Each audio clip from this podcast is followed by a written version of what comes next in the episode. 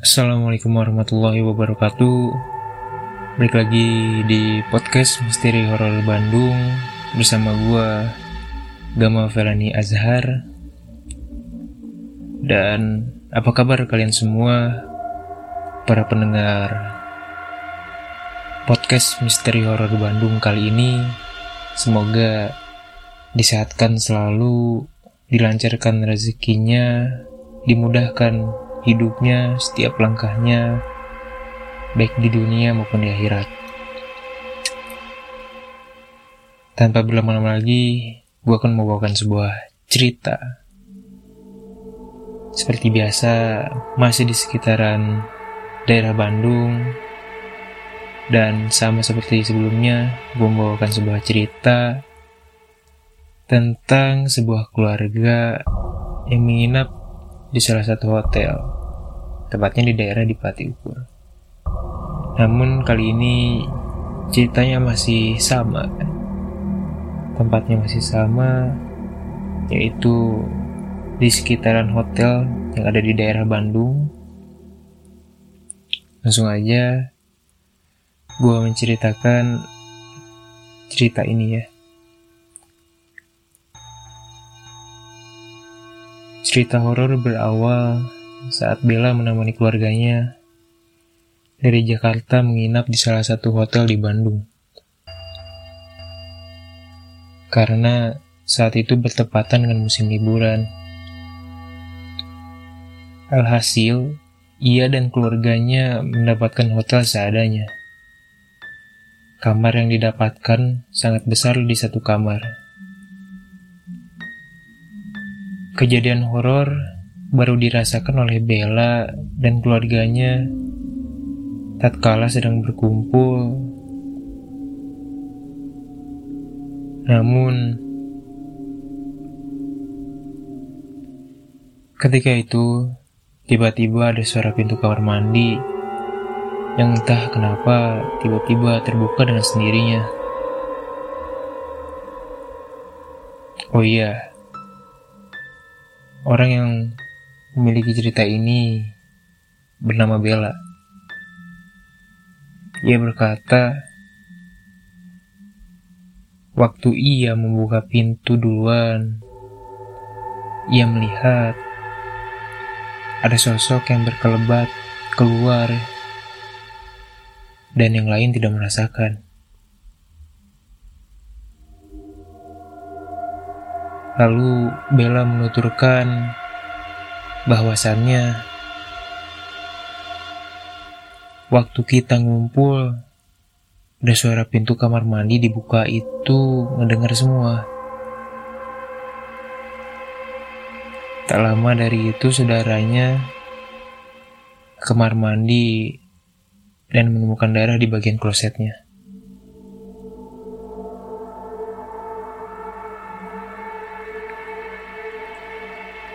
Cerita berlanjut. Saat tengah asyik mengobrol, tiba-tiba terdengar suara orang berjalan memakai sepatu. Seluruh keluarganya pun mendengar dan masuk ketakutan. Bahkan mereka ingin segera pindah hotel dikarenakan tidak kuat dengan gangguan-gangguan yang ada.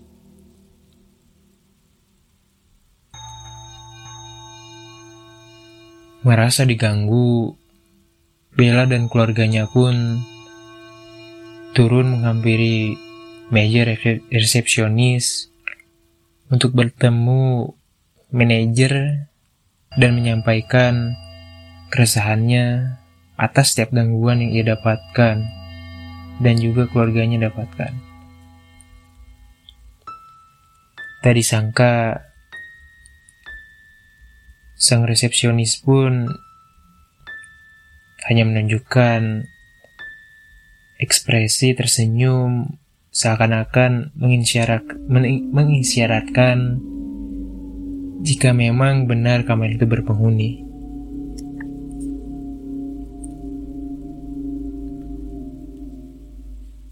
Bella pun menuturkan bahwa kamar itu paling gede paling atas jarang orang.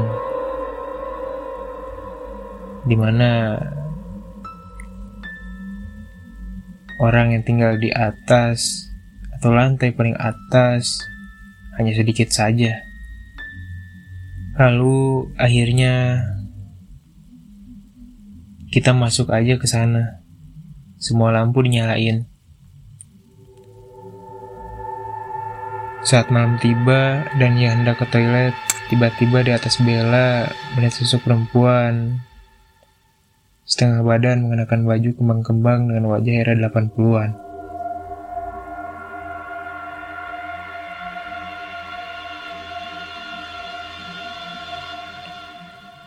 Saya tanya, dia nggak jawab, cuma senyum aja terus diem.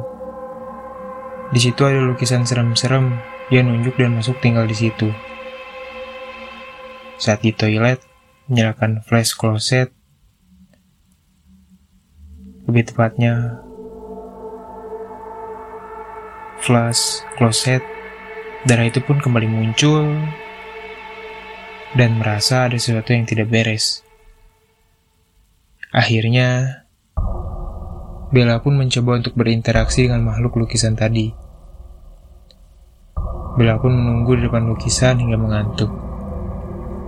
Barulah sosok itu menampakkan diri dengan berdiri di depannya dalam kondisi badan yang utuh.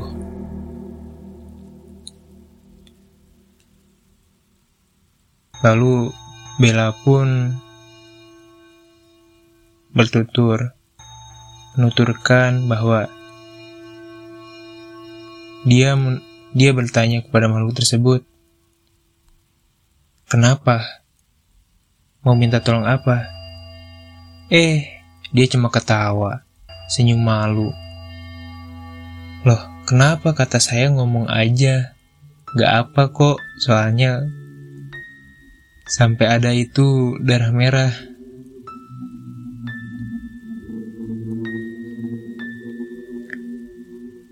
Makhluk kayak itu pun berbicara lewat batinnya. Menceritakan bahwa dahulu hotel itu bekas kuburan. Sosok itu mengaku meninggal karena melahirkan dan belum dipindahkan kuburannya, tertimbun dengan bangunan hotel.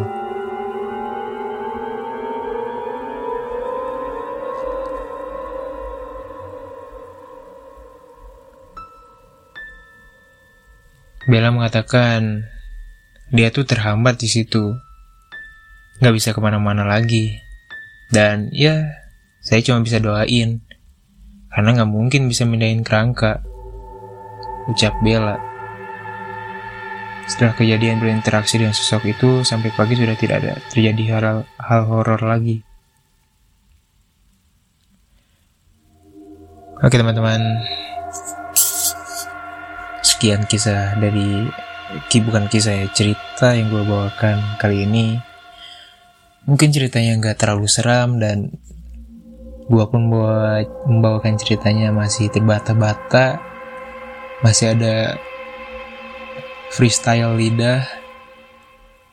Jadi yang gue bilang gue buat podcast ini adalah sebagai apa ya latihan buat diri gue buat diri gue pribadi. Bagaimana cara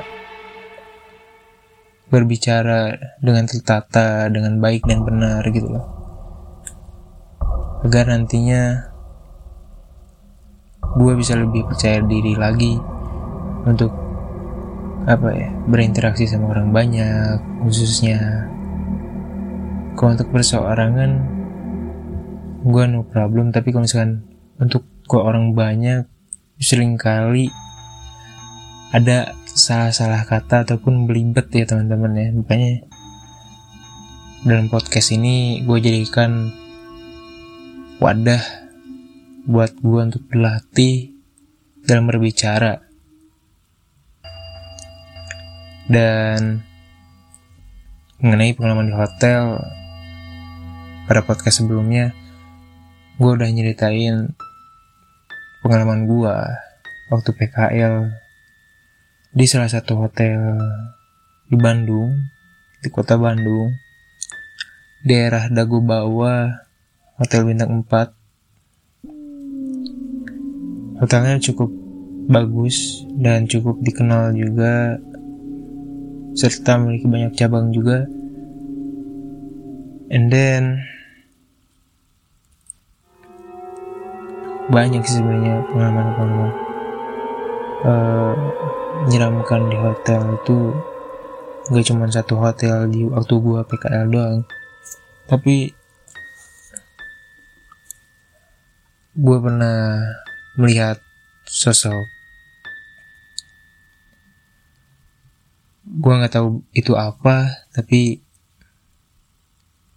kelihatannya kayak orang sih tapi pakai aneh aja gitu ngeliatnya. Di hotel juga hotel di Bandung juga.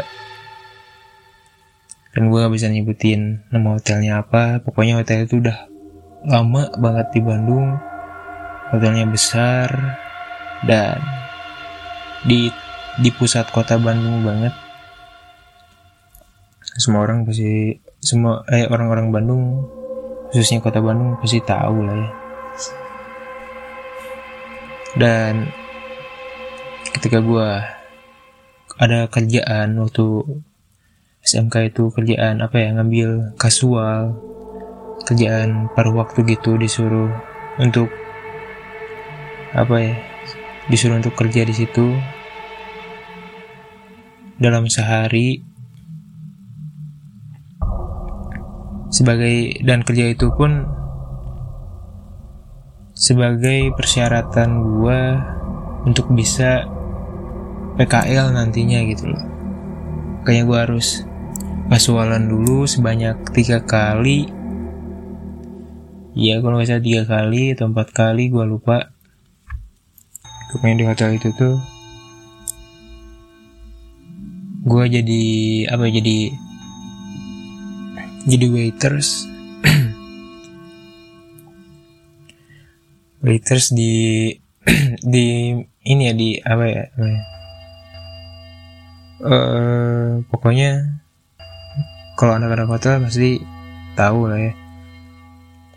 Misalkan ada sekolah mana bisa ngadain makan-makan di di ballroom di meeting room gitu rame-rame. Nasi makanannya itu dari mulai appetizer sampai ke main course gitu. Pokoknya makanan itu lengkap lah atau kayak fine dining gitu. Gue lupa lagi ya.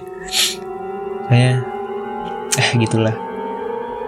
Salah ini ya salah salah jurusan kali ya. Tapi berkesan banget sih. Yang paling berkesan ya itu. Melihat wadidaw awe gitu guys. Melihat sosok itu kayak ini ya. Gue cuma bisa bersikap cool seperti biasa walaupun dalam hati merasa waspada dalam pikiran runyem gitu. Setelah capek kerja terus ngeliat yang kayak begitu dan yang ngeliat cuman gue sendiri and then ya sosoknya tuh kayak apa ya? Kalau dibilang cowok sih mungkin mirip ya. Saya pokoknya pakai baju putih.